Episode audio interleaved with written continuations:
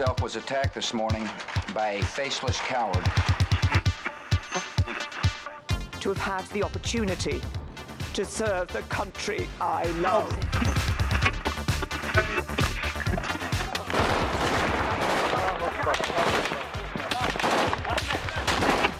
Den Einsatz für Frieden und Freiheit in Deutschland, in Europa und in der Welt. We will southern border. I beg you, please do not fail on this.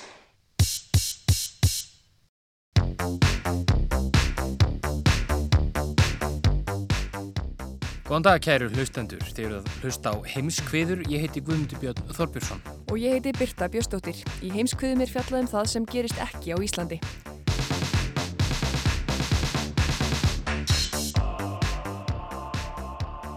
Fólk á flotta kemur talsvert við sögu í þættinum í dag og af því er vist nóg. Já, til dæmis í Venezuela, þar sem þúsundir flýja yfir til nágrannaríkisins Kolumbíu og degi hverjum. Þar er þeim vel tekið en það saga ríkjana samtvinnuð langt aftur. En það er ekki víst að þetta getur gengið svona endalust áfram því efnaðarstrengingar vofa nú yfir Kolumbíu. Jóhann Hlíðar Harðarsson segir okkur nánar frá þessu og eftir.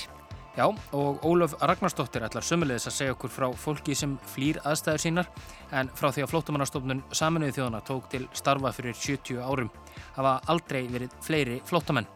Ólaf segir okkur nána frá því á eftir hvert þetta fólk vil flýja, hvaðan er að koma og hver er munurinn á flótamanni og hælisleitanda. En við byrjum í Þýskalandi þar sem allt er á suðupunkti, allavega í stjórnmálunum eftir að flokkur þjóðurni sinna, AFD, stutti nýjan fórsetisráþurra í sambandsríkinu Týringen. Kristilegir demokrater og frjálslindir eru taldir hafa gengið á bak orða sinna um að vinna aldrei með flokkum þjóðurni sinna. Þá hefur leiðtói kristilegra demokrata gefið það út að hún muni ekki sækjast eftir því að verða kanslar í Þýskalands þegar Angela Merkel lætur á ennbætti. Það kom mörgum óvart því hún var að mörgum talin ótvíraður artaki Merkel. Guðmundur Björn, gjör þessu vel. Það dró til tíðinda í sambandsríkinu Týringen í suð-vestur hluta gamla austur Þískalands skamt norðan Bæjarlands í síðustu viku. Tómas nokkur Kemmerich úr flokki frjálsleindra demokrata var þá hlutskarpastur í kostningu þingmanna um nýjan fórsetisráþæra ríkisins. Hann hafði betur í baróttunni við Bóte Ramelov, frambjóðanda vinstriflokksins Dílinge og fórsetisráþæra Týringen til síðustu sex ára. Sigurinn var tæpur en Kemmerich fekk 45 atkvæði þingmanna, einu meira en Ramelov. Das Thüringer Parlament hat äh, mit einer knappen Mehrheit mir den Auftrag erteilt. Með naumum meiri hluta hefur þingið í Týringen falið mér þá ábyrðið að gegna ennbætti fórsetisráþara og mynda hér ríkistjótt. Vinnan hefst núna, sagði Kemmerich þegar úrslitin voru ljós.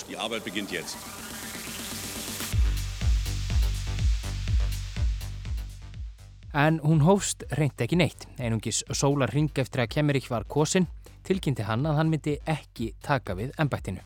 Zusammen mit meinen Kollegen der Landtagsfraktion der Freien Demokraten haben wir beschlossen, die Auflösung des Thüringer Landtages zu beantragen. Í samfunnu við félaga mína í frjálslindum demokratum höfum við ákveðið að þingið í Týringen verði leist upp og bóðað verði til nýra kostninga, sagði Kemmerich. Ástæðan er svo að það var fyrir tilstuðlan stuðningsþingmanna þjóðurnisinnaða populistaflokksins AFD, Alternativ for Deutschland eða valkostur fyrir Þískaland, sem Kemmerich hlaut brautargengi. Svo staðreind að frjálslindir demokrater hafi þegið stuðning AFD og kristilegir demokrater ekki lagst gegn því, hefur lagt Þískaland á hliðina, bókstaflega. Því þetta er í fyrsta sinn sem flokkur með þá hugmyndafræði sem AFD aðhyllist næra hafa bein áhrif á hverjir eru við stjórn í Þísku sambandsríki síðan í síðari heimstyrjöld. Alla tíð frá falli þriðjaríkisins hafa þýskir stjórnmálamenn kappkostað að koma í veg fyrir að sagan endurtæki sig. Og nú óttast þjóðverjar hitt versta og atbyrðir síðustu viku í Týringen þykja að gefa slæm fyrir heitt.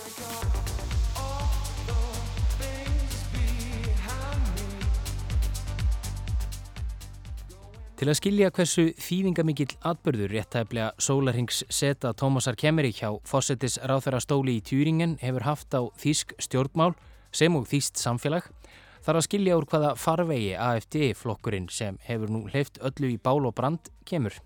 Flokkurinn er ekki gaman, hann var stopnaður árið 2013 sem viðbröð við efnahagsvanda Evrusvæðisins í kjölfar efnahagshrunnsins. Fljótlega fóru forvíismenn flokksins að horfa í aðra átt, mögulega í leitað atkvæðum. Og þegar Angela Merkel, Þýskalands kanslari, bauðum eina miljón sírlenskra flótamanna velkomna til Þýskalands árið 2014, stökk AFT á annan vagn og varð róttakari í andstöðu sinni við innflytjendur, þá sérilagi muslima. Hægt er að flokka flokksmenn sem hægri populíska evasöndamennum Európusambandið og síðast en ekki síst þjóðurni sinna mjög. Það má þó ekki ganga svo langt að kalla þá nínasista eins og gerðan er gert. Vissulega, eins og áður hefur verið fjallaðum í heimskuðum, sækir flokkurinn þó fylgisitt meðal annars til þeirra sem aðhyllast hugmyndafræði þriðaríkisins en ekki einvörðungu. En sökum andstöðu sinnar gagvart útlendingum og samvinnu flokksins með öfgahópum á borð við Pekita-samtökin er flokkurinn vægast sagt umdeltur í Þýskalandi. Hann þykir með öðrum orðum bóðastefnu ekki ólíka þerri sem var valdur að einhverju mesta hörmungar tímabili mannkinsögnar þegar nazistar reyður ríkjum í Þýskalandi.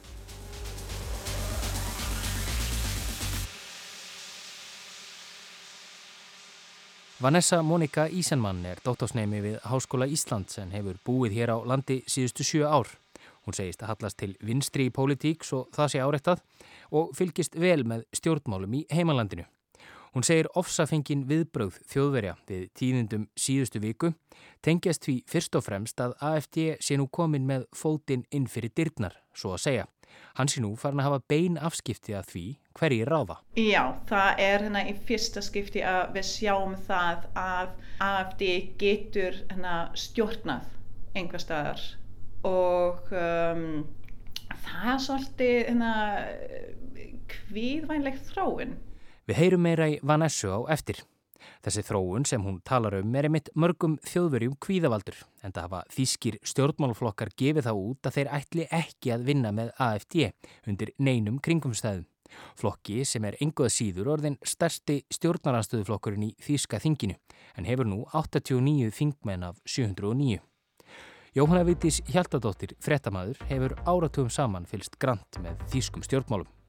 Allir flokkar í Þýskalandi hafa líst yfir andstöðu við AFD og hafa sagt að samstarfið AFD sé ekki inn í myndinni og Angela Merkel, Þýskalandskanslari, hefur talað með mjög skýrum hætti um það að það samstarf komi ekki til greina. Þess vegna er þetta svo mikið áfall þegar að þessi ekki verið kosin fórsættisáþra með stuðningi AFD. Stundum er talað um eldmúrin, svo kallaða í þessu samhengi. Brannmáar, múrin milli þjóðverðnis sinnaðra öfgarhefinga og annara stjórnmálabla sem hafa tekið sig saman um að koma í veg fyrir að slíkir flokkar eins og AFD nái nokkrum einustu áhrifum í þýskum stjórnmálum. En í síðustu viku veriðist sem múrin hafi fallið. Þarna er alltaf búið að gefa þetta fordæmi sem að þessi veggur sem á að koma í veg fyrir að AFD og flokkar eins og AFD fái nokkuð tíman að komast til valda Kínamúrin hefur bara fallið. Já, einmitt, þessi breiða samstæða um, um að koma í vekk fyrir það. Já. Það er fallið núna, það búið að brjóta þetta lofur. Já, en svo má heldur ekki gleyma öðru að Tómas Kemmeri, sem er kosin fórsættisáður í síðustu viku, hann segir þetta af sér 24 klukkustundum síðar. Það skil um Thüringen. Uh, hann, hann flutti ræð eftir að hann var kosin, hann fikk ekki hljóð, það var uh, rópað fram í kvöld stöðugt, hann var kallaður svikari og hræsnari.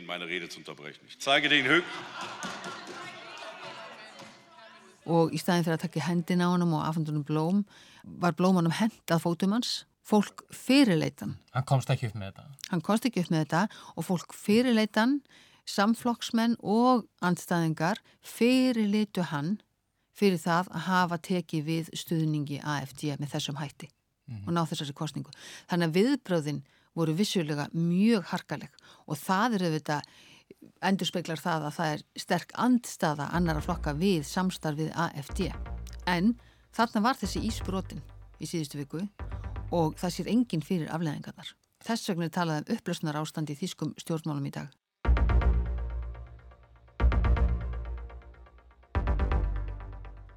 Víkjum þá sögunni að því sem gerðist nákvæmlega á sambandsþinginu í Týringen í síðustu viku. Sem fyrr segir hlaut frambjöðandi frjálsleindra kemur ekki flest atkvæði þingmanna og hafði nauman sigur þökk sé þingmannum AFD sem stuttu hann. Þetta er í fyrsta sinn sem AFD er bytt þáttangandi í því að einhverjir komist til valda þótt að hafi ekki verið þingmaður þeirra.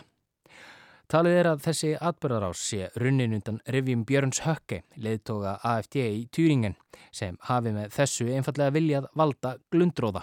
Vilja gera það verkum að stóruflokkarnir færi á bak orða sinna, að þeir brytu niður eldmúrin svo kallaða. Ég held að það gefa alveg auga leið og, og, og ef að þetta er leikflétt af hálfu Björn Hökke, formans AFD, að þá er þetta mjög vel útjóksur leikflétta og hann hefur svo sannarlega haft erindi sem er við því. Gott fylgi AFD í Týringen er ekki síst rakið til Hökkes sem mörgum þjóðurjum þykir hallur undir hugmyndafræði nazista. AFD er umdeldur stjórnmálaflokkur en Björn Hökke er ekki síður umdeldur stjórnmálamadur og, og mjög umdeldur allstæðir í Þískalandi í raun og veru. Vanessa tekur undir þann samanburð. Hökke sagði til að mynda einu sinni að minnismerkiðum helföruna í hjarta Berlínar væri skammarlegt. Um, ég myndi kalla hann nazisti. hann hefur verið hérna mentarskóla uh, kennari í sakfræði og þess vegna er þetta náttúrulega enn veri að hann er með svona uh, hugmyndafræði og já, ég myndi kalla hann nazisti. En hvað sem pólitískri hugmyndafræði Björns Hökke líður er ljóst að honum tókst ætlunarverk sitt. Þísk stjórnmál eru í upplaust og hvergi gætir þeirrar upplaustnar meir en innmitt hjá flokki kristilegra demokrata. En 7 af 16 ráþurum Þísku ríkistjórnarinnar kom ár röðum CTU, þar á meðal Angela Merkel kanslari. Annegret Kramp-Karrenbauer eða AKK eins og hún er kölluð í heimalandinum tók við ennbætti formans CTU í lok árs 2018 af sjálfri Angelu Merkel og búist varðið því að hún yrði næsti kanslari Þískalands að minnstakosti kanslara efni kristilegra demokrata færi svo að kristilegir demokrater myndu vinna kostningarnar á næsta ári. En á mánudag sá Kramp Karenbauer sér ekki fært annað en að segja af sér sem formaður flokksins í kjölfar tíðindana frá Týringen. Hún hafi líka talað mjög skýrt og líst yfir anstöðu sinna á öllu samstarfi við AFD.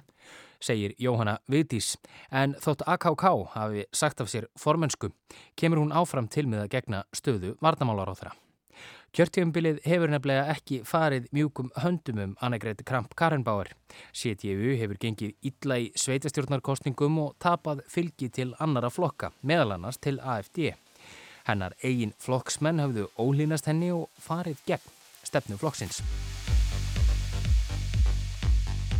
Undistrykar þetta ekki það að Kramp-Karenbauer var að falla ekki nægilega sterkur litvei? Ég held að það sé alveg rétt í aður og hún... Uh, það verðist að hafa verið mjög gott á milli þeirra, Angela Merkel og Karin Bauer og að Merkel hafi í raun og verið viljað hana sem artaka sinn en hún vinnur þessa formánskostningu ekki með afgerandi hætti en hún vann enguða síður. Og það er alveg rétt að hún hefur í raunni síðan og tók við að Merkel ekki, veri, ekki sínt þá fóristu hæfileika eða fóristu eiginleika sem hún verður að hafa til þess að vera formaður í þessum stóra flokki í talningum um að vera kanslarefni. Í þessu kristallast vandi kristilegra demokrata í dag. Undir stjórn Annegret Kramp-Karenbauer virðist flokknum hafa mistekist að halda fylgi sínu og það sem alvarlegra er mistekist að halda sig eins langt frá AFD og mögulegt er, líkt og flokkslínundnar segja tilum. Undir það tekur Vanessa. CDU hefur ekki, þú veist þannig að sagt nógu skýr hvar þau standa líka þú veist að afmarka sér frá, frá AFD og mér finnst líka að flokkarnir eins og SPD og, og CDU og líka Die Grün hafa ekki komið með með góð svör En hvers vegna er þjóðverjum ja, brúðið og raun ber vitni? Það er ekki eins og þingmaður AFD hafi sjálfur tekið við stjórnartöfnum í Turingen.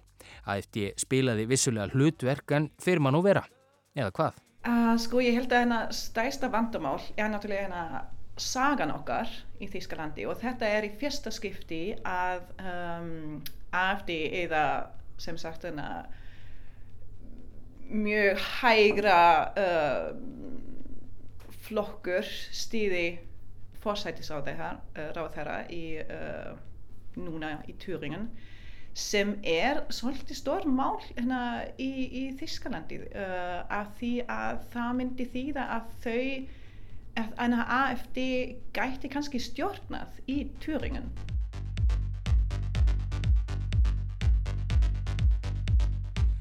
Það er einmitt þetta með söguna sem Vanessa nefnir sem kemur ítla við þjóðverja. Stutt er síðan Þískaland var undirlagt af minningaratöfnum vegna þess að 75 ár eru frá lokum síðari heimstyrjaldar. Vanessa segir að þrátt fyrir að þjóðverjar séu meðvitaður um ílskuverk þriðuríkisins séu þeir fljótir að gleima. Hennar kynnslóð og foreldra hennar var ekki uppi á stríðsárunum og með tímanum sé hætt á því að fólk einfallega gleimi því hvernig nazistar komust til valda á sínum tíma. Uppgangur AFD í Þískalandi og það fordæmi sem þingmennir í Týringen gáfu í síðustu viku ringir því óneitanlega viðvörunabjöllum. Það að þjóðverðnisreyfingar sem séu andsnúnar útlendingum og fjölmenningu séu að njóta vaksandi fylgis í Þískalandi er uppvanlegt að mati Vanessu. Mér finnst það alveg skelvilegt, mér finnst það skelvilegt þróun uh, í, í Þískalandi sérstaklega með tillit til sög okkar. Uh, við ættum eiginlega að vita betur og AFD er síður en svo að draga saman seglinn. Allt bendir til þess að flokkurinn haldi áfram að bæta við sig fylgi á meðan ríkistjórnarflokkanir, þá sér í lagi þeir sem eru rétt við miðju ásinn, missa fylgi. Já, ég myndi segja núna að minnstakosti ef það myndi vera hérna kjósi aftur í Turingen. Ég held allavega að þannig að AFD mun, uh, mun vinna fleiri atkvæði. Það er erfitt að segja til um hvað gerist næst þrátt fyrir að Kemmerich hafi ákveðið að taka ekki við fósittisráþara ennbættinu að endingu er enga sigur ljóst að nýðustuður kostningana voru líðræðslegar. Kramp Karrenbauer og Angela Merkel hafa óskað eftir því að kosi verði aftur en hvort það gerist eða hvort það sé raunhæft skal ósagt látið það er óljóst í augnablikinu, það er, það er annað sem er veldur þessari stjórnarkreppi í Þýskalandi núna, það er óljóst hvaða áhrif þetta muni hafa til dæmis á samstarf sósíaldemokrata og CDU í ríkistjórnarsamstarfinu sem núna er. Og CDU, það, það samstarf gengur ekki nægilega vel og er búið að vera um nokkra hríð. Eh, flokkur Merkel hefur verið jamt og þett verið að tapa fylgi og það hefur gerst í þó nokkrum sambandslöndum síðustu missurum þar sem á annar borð hefur verið bóðið til kostninga e, á, á sama tíma er AFG að ganga betur bæta vissu fylgi. E, þegar kemur flokkur, hægri aukaflokkur e, sem býður á mörguleit upp á skyndalösnir að e, þá hoppa margir á vagnin 1 og 3 Þráttur í það að allir aðri flokkar lýsa því yfir að samstarfi þennan flokk komi ekki til greina. Mm. Þess vegna er þetta áfall þegar kemur ekki kosin fórsættisráður í Tjuringen í síðustu viku. Þess vegna er áfallið svo gríðarlega stórt og það þarf ekki annað að skoða hljóðlösa mynd af Angelu Merker eftir hún fær þessi tíðindi. Þú, þú lest þetta áfallur augum hennar og, og það þýrt í raunin ekki Nú er þetta eh, spá hvað þá um framtíðina en, en það ætti í raunin ekki að koma neinum og óvart þótt að það er því miklir umbrótatímar í þýskum stjórnmálum næstu mánuðina. Og undir þetta tekur Vanessa sem hefur áhyggjur af þróun stjórnmála í heimalandi sínu Þýskalandi. Ég held að í Þýskalandi býtum við bara ekki hvað gerist næst.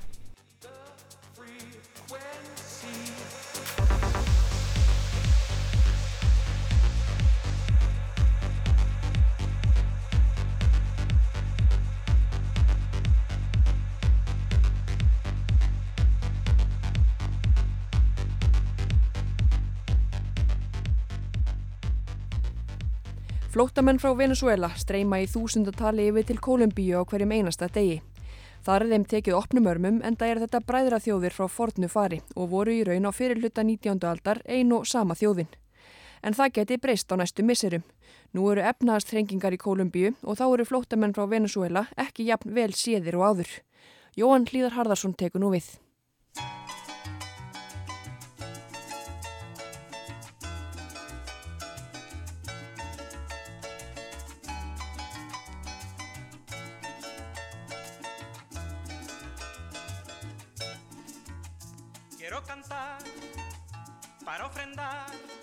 Tónlistin sem hér gælir við hlusturnar er frá Venezuela.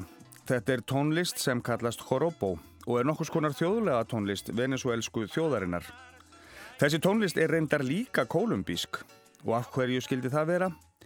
Jú, því að þegar þessar þjóður brutust undan yfirráðum spánverja í byrjun 19. aldar undir fórustu venezuelsku eða kannski aðalega suður amerísku frelsishetjunar Simons Bolívars, já þá var þetta ein og sama þjóðin. Eða réttar sagt, eitt og sama landið. Þetta var nefnileg ekki ein þjóð eða tvær. Þetta voru margar þjóður sem var gert að búa í löndum sem búum voru til á einhverju skrifborði. En meira um það síðar. Þetta lag sem við heinum hér matla undir er sem sagt Joropo og lagið heitir Caracas. Caracas er eins og flestir vita höfuborg Venezuela og hér skulum við fá sínisorn af kannski algengustu umhverfislögunum í Caracas á síðustu misserum.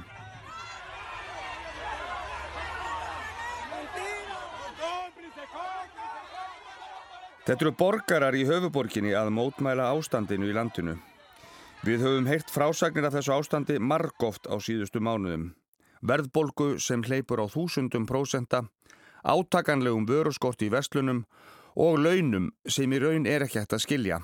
Sin lugar a dudas, hoy en día en Venezuela es muy difícil que una familia pueda mantenerse con lo que puede vengar de un salario mínimo. Já, það er nánast ómögulegt fyrir fjölskyldur í Venezuela að lifa af venjulegu mánaðalönum sem eru að andverði fjögur til 700 íslenskra krónu á mánuði. Fyrir þetta fást 2 kíló á hveiti og þá eru launin upp örin. Dos eh, kilos de harina y ya con eso se te va el salario. Þetta sagði Francisco Alfaro, stjórnmálafræðingur og prófessor frá Caracas í kolumbíska fréttaskýringaþættunum Þóna Franja undir lok síðasta árs. Hann benti líka á hversu störgluð tilveran í landinu væri í rauninni. Á sama tímu fólk ávarla fyrir mat á borðið, þá getur þú fengið bensín á bílinn þinn ókeipis ef þú á annaborð átt bíl. Allar almenningssamgöngur í höfuborgin eru líka ókeipis. Sömulegis rafmagn og hitti, en það skiptir kannski minna máli, því dreifikjærfi hvorutvækja eru í raunin hrunin. Já, og til þess að hafa ísugu á og ekki síst til þess að geta séð börnum sínum farborða, þá gerir mannskeppnan á öllum tímum hvað sem er. Það er gömul saga og ný.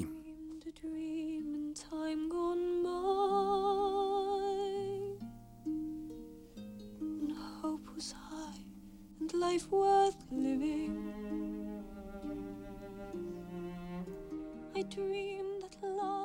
Og hvaða erindi skildi lag úr söngleiknum um vesalingana svo eiga inn í pistil um ástandið í Venezuela? Jú, við erum að mörguleiti að horfa á sama sögusviðið með 200 ára millibili. Í vesalingum Viktors Hugo neyðist hinn ógæfusama Fantín hálfpartinn til þess að selja frá sér dóttur sína. Hún selur svo af sér hárið og framtennurnar og endar lífið sem fárveik vendiskona. Og þetta er sviðsmynd margra þeirra sem verst hafa það í Venezuela. Blaðamenn greina frá því að margir grípi til þess örtrivaráðs að selja sér hárið. Einstakar sögur byrtast í dagblöðum af fólki sem selur börnin sín og talið er að í Mercedes Abrego garðinum í Kukuta í Kolumbíu falbjóði að jafnaði um 300 konur frá Venezuela líkama sinn fyrir andvirði 800 til 1000 íslenskra króna.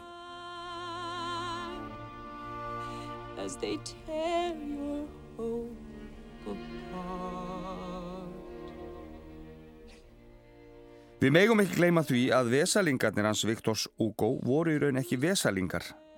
Þetta var fólk sem lifði við eind, lumiserabl, og það er það sem svo margt fólk í Venezuela gerir. En það er ekki vesalingar og það gefst ekki upp. Það gerir það sem þarf til þess að lifa af. Á milli fjórar og fimm miljónur manna hafa flúið Venezuela á síðustu árum. Tæplega ein og hálf miljón hefur farið yfir til nágrannaríkisins Kolumbíu og þeim fjölgar frá degi til dags.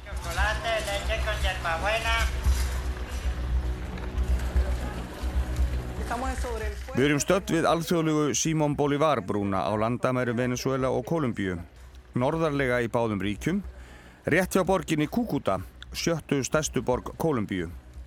Ströymur flóttamanna er stöðugur. Umferðin minnir jafnvel á kringluna á þólásmessu.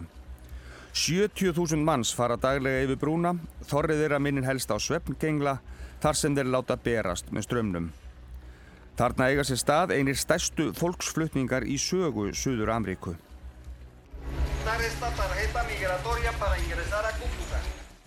Og landamæravörðurinn vekur aðtikli vekkfærend á því að þeir verði að útvega sér skýrteini sem veiti þeim tímabundi dvalarleif í landinu áður en fólkið fer inn í borgina.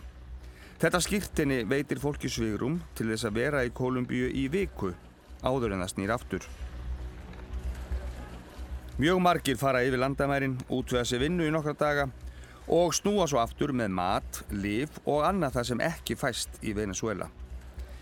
Margir þeirra sem fara yfir landamærin til þess að vinna geta þjenað í kringum 5.000 peso á dag, andverði 200 íslenskra króna.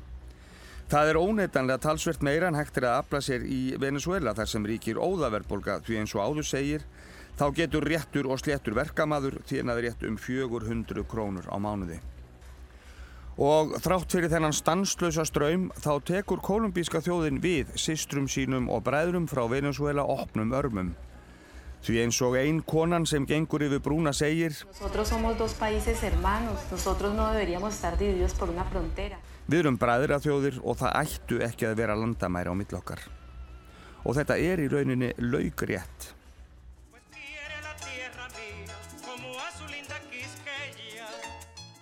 Lítum aftur á söguna. Árið 1819 var ríkið Gran Colombia stopnað, Stóra Kolumbia. Landið var gríðarlega stórt, rúmlega 2 miljónir ferrkilometra og náði yfir það sem í dag eru Kolumbia, Panama, Venezuela, Ecuador, norðurluti Peru, vesturluti Guayana og norðvesturluti Brasilíu. Þetta ríki væri í dag 12. stærsta land í heimi. En Stóra Kolumbíu var ekki komin til að vera og eftir blóðuga uppreist lísti Venezuela yfir sjálfstæði sínu árið 1830. Landamærin á milli Venezuela og Kolumbíu eru að mörguliti dreygin upp á skrifborði og það þýðir meðal annars að meira en tíu ættbálkar frumbyggja á þessum slóðum búa begja vegna landamærina. Og það eru reyndar ekki svo íkja mörg ár síðan flottamannaströymurinn rann í hina áttina. Á áttunda og nýjunda áratögnum fluttu um 2 miljónir kolumbíumanna til Venezuela þar sem draup í raun óli af hverju strái.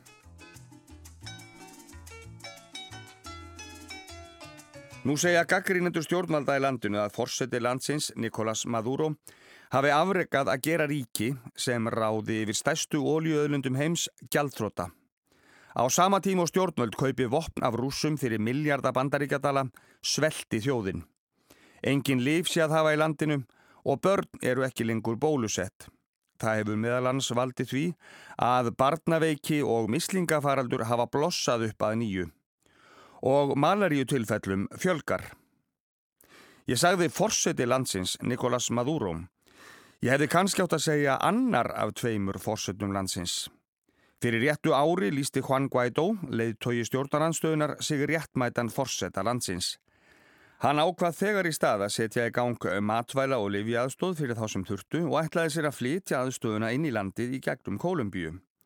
Þá brást Maduro hart við og sleit stjórnmálasambandi við Kolumbíu. Juan Guaidó snýri aftur til Venezuela í vikunni eftir mánaðalangt ferðalag um Evrópu, Bandaríkin og Kanada þar sem hann leitaði eftir stuðningi þjóðarleittoga en meira en 50 þjóður heims viðurkenna hann sem forsetta Venezuela. Hadramir andstæðingar Guaidó fylltu flugstöðinni Caracas þegar hann snýri aftur og sumir veittu staðunum. Þegar hann nokkur síðar ávarpaði stuðningsmenn sína var hann kókraustur og fullur sjálfströst.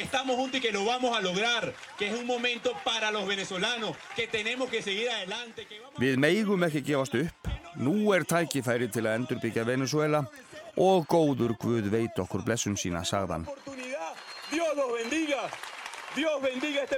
En þá skulum við beina sjónum okkar yfir landamærin til Kolumbíu. Þar er ástandi nefnilega ekkit sérstaklega beysið heldur.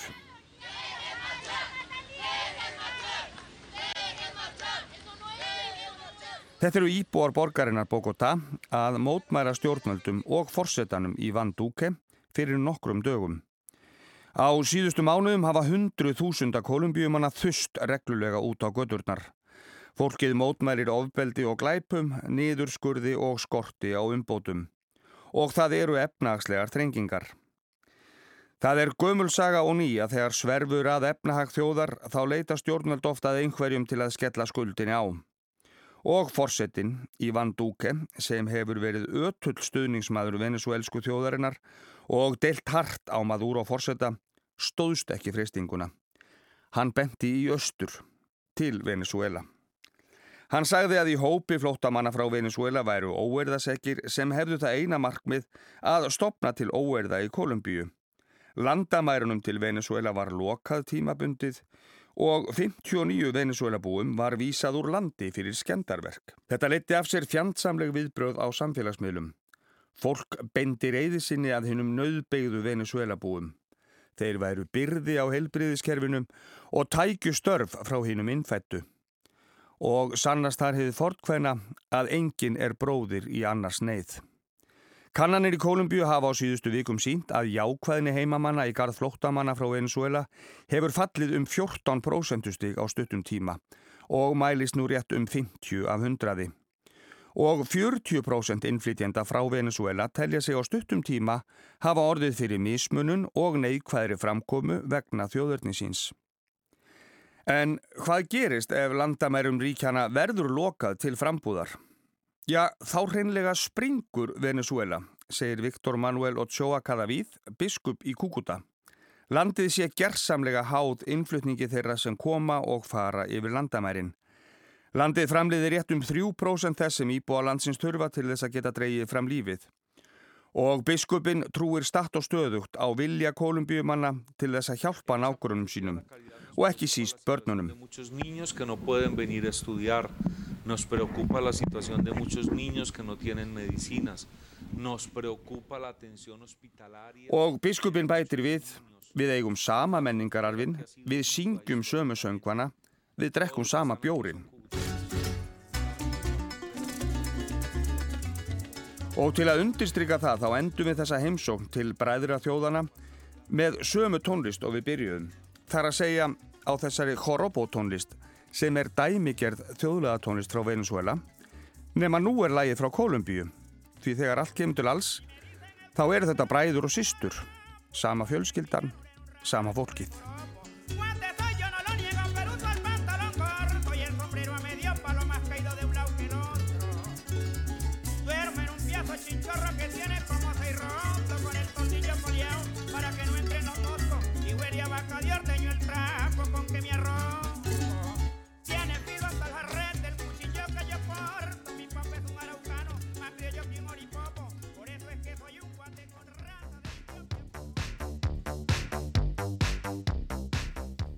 Á einni viku, núna í februar, neittust yfir 100.000 manns til þess að flýja heimili sín í Idlib hér að í Sýrlandi. Það sem aðverð þessu ári hafa næri tveir á dag druknað á miðjarahafinu og leiðsynni til Evrópu. Frá því að flótamannastofnun Saminuð þjóðana tók til starfa fyrir 70 árum hafa aldrei verið fleiri á flóta. Hvaðan er fólk að flýja og hvert flýr það? Hver er munurinn á flótamanni og hælisleitanda? Ólöf Ragnarstóttir.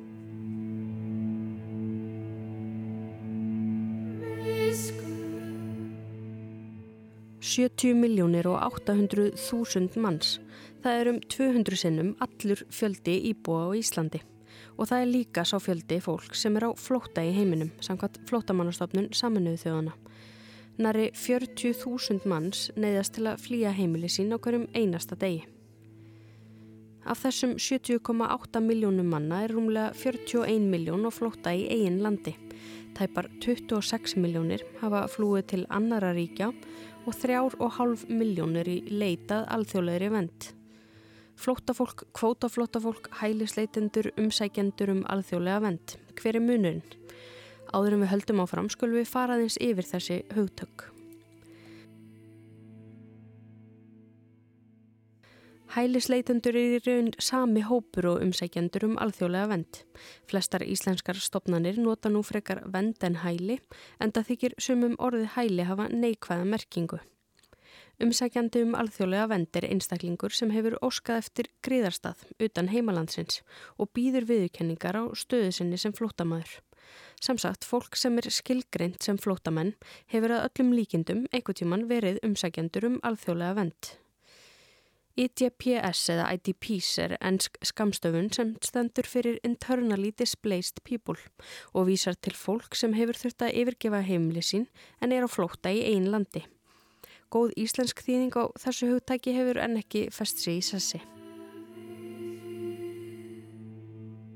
Hugtækið flótamaður er skilgreynd í íslenskum lögum.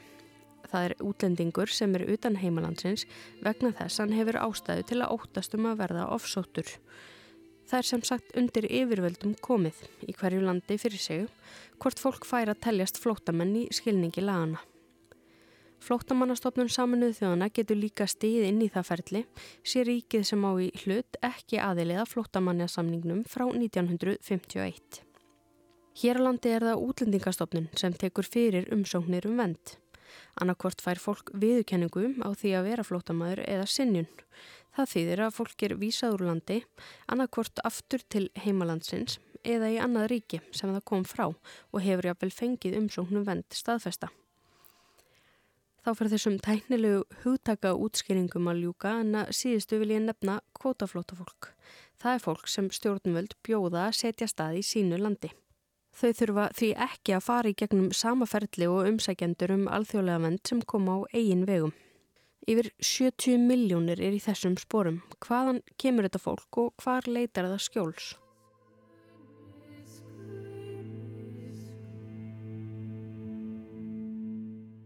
Meira en helmingur þeirra kemur frá þremur ríkjum. Sýrlandi, Afganistan og Suður Sútan. Þessi lönd eiga það sammeilegt að eiga langa sögu, hryllilegs ofbeldis og strísátaka. Lang flestir sem er á flótta utan heimalandsins dvelja í nálægum ríkjum, fjórir á hverjum fimm. Tyrkland er það ríki sem hýsir flest flótafólk, 3,7 miljónir og lang flest þeirra frá nákvæmnaríkinu Sýrlandi. Tölfræðin sem vísaðir í þessum pisli er frá árinu 2018. Skísla flótamannastofnunar fyrir síðasta ári er enn í vinslu. 2018 var Tyrkland fjórða árið í rauð það ríki sem hýsir flest flótafólk.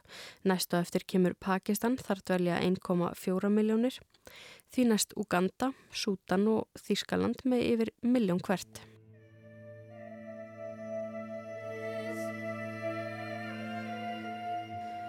Flóttamannamál hafa árum saman verið bitbein ráðamanna í Evrópu og það er erfitt að sjá að þar verði breyting á í náinni framtíð. Sitt sínist hverjum og ofinberlega verðist viðhorf stjórnvalda Evrópusambandsríkja afar misjamt. Árið 2015 er stundum kallað ár flótamannavandans. Þá komust yfir miljón til Evrópu og sóttu um vend.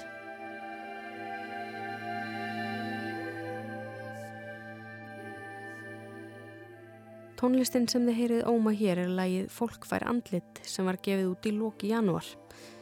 Þetta lag er eftir Hildi Guðnadóttur tónskáld og ný grindan Óskarsverleuna hafa. Hildur skrifar á Twitter að lægi sé hennar viðbröð við yllri meðferð og brottvísunum flótafólks á Íslandi á þessum tíma. Það var erfitt að horfa upp á þetta, hefur útgefandi lagsins eftir Hildi. Langveikum börnum frá Albaníu hafi verið vísa úr landi á samt fjölskyldum sínum eftir að hafa fengið neitun um dvalarlefi og fólk skiptist í tvær fylkingar með eða móti fólki.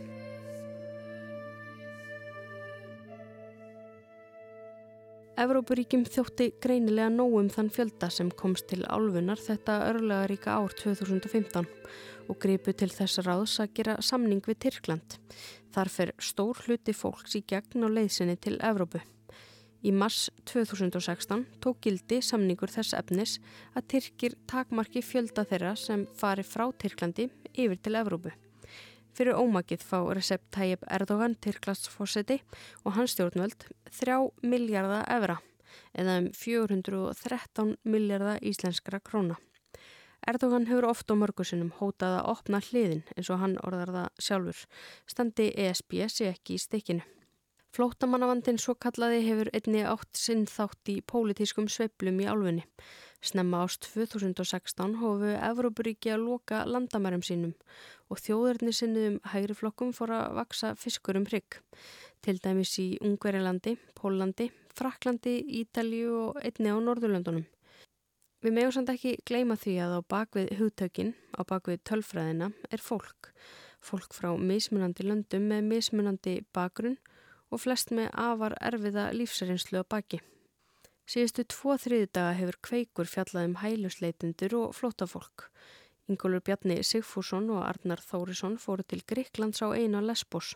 Þanga kemur stór hluti þeirra sem leggja í þessa erfiðu og hættilegu ferði yfir hafið. Það sem afir ári hafa minst 77 druknað í miðjararhafinu, sem er nærði tveir á dag. With concern, we at UNICEF are observing an increasing number of children traveling alone. Lucio Melandri, yfirmaður UNICEF í Greiklandi, segir það áhyggjöfni að börn sem eru eina flóta, fyldarlaus börn, verði sífælt fleiri. Even children that in their journey they lost their family. So as of today, in a country like Greece, we have uh, over 5,500 unaccompanied children identified. Þetta er jafnvel börn sem hafa mist fjölskyldu sína á leiðinni, segir Melandri. Hann áallar að í Gríklandi dvelji nú yfir 5.500 fyldarlaus börn á flóta. It was a few days ago in Lesbos I met a child from Afghanistan, seven year old, and mean that uh, probably left this country when he was five. Á dögunum hitt hann sjö ára barn frá Afganistan sem var eitt á ferð. Hann telur barnið hafa lagt á flóta þegar það var fimm ára. Það tekur nefnilega afar langan tíma að komast allarleið til Greiklands. We as of today are observing children that they have no alternative in order to reach members of their family but to enter in the market of the prostitution. Við sjáum börn sem enda í vandi því þau auðgjannar kosta völ. Þau neðast til að trista skipulögum glæpa samtökum fyrir lífi sínu. Smiklarar hafa meiri nóg að gera þessa dagana. Þegar börn eru upp á smíklar að komin er afar fín lína millir þess að vera smíklað eða selt mannsæli. The line between being smuggled and being trafficked is very thin. These children are spending all their childhood in surviving. Þessi börn veri allir í sinni barnæsku að reyna að halda lífi. Þau flýja stríð og hitta svo fólk sem misnótar þau. Þau mæta hindrunum á hverjum einasta degi og við erum að missa heila kynslu. Þegar til Evrópu er komið þó tekur nefnilega ekkert endilega mikið betra við. Í það minnsta ekki fyrir þau sem enda á grísku eiginu Lesbos. Þar eru flóttamannabúðinar allræmdu Moria. Þær hafa verið kallaðar helviti og jörð.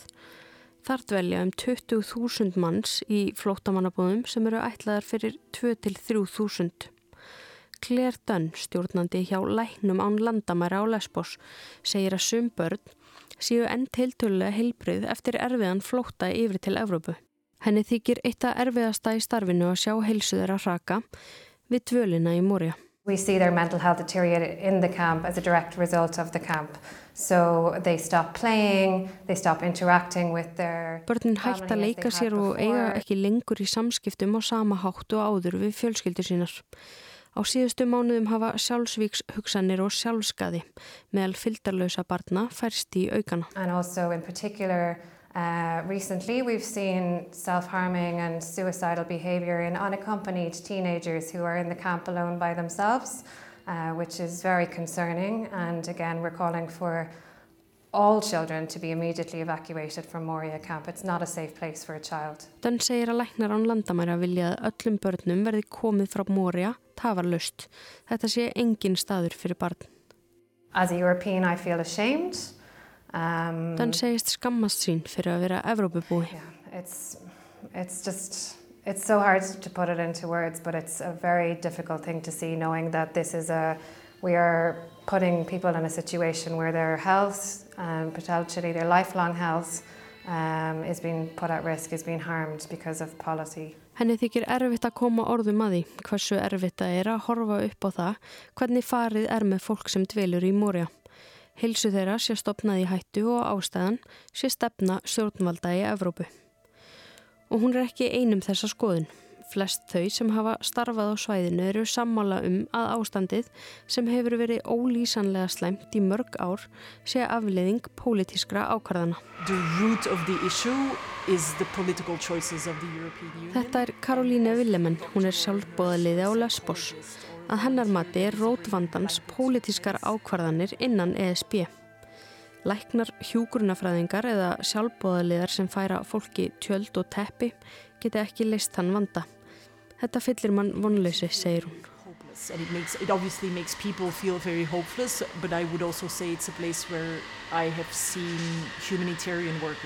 a really to like often lose the hope that they have of what they can change because you Moria er staður þar sem hjálpar starfsfólk missir vonina um að það geti breytt einhverju, segir Villemenn.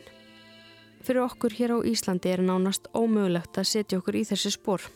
Spór þeirra sem neyðast til að leggja á flótta undan miskunnalösu ofbeldi og linnulösum stríðs átökum. Að sjá sér ekki annar að kosta völu en að leggja í hættulega fyrr með börnin sín og skilja allt eftir í vonum betra líf á nýjum stað.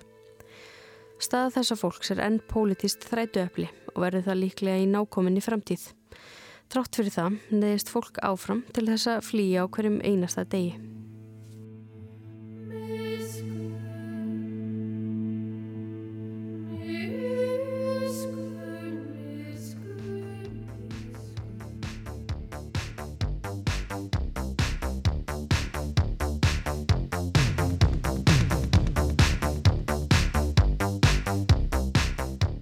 Heimskuður verð ekki fleiri þessa veikuna. Þátturinn er aðgengilegur á öllum helstu hlaðvarpsveitum, til dæmis Spotify, iTunes og öllum hinnum. Og við minnum á að það er að gerast áskrifandi að þáttunum á hlaðvarpsveitunum. Þá koma nýjar heimskuður í snjaltækið eitt vikulega án fyrirhafnar. Þess á milli má svo dunda sér við að lesa ítarlegar fréttaskýringar um efnið þáttarins inn á efnum okkar, rúf.is. En við þökkum þeim sem hlýtu og heyrumst í næstu viku.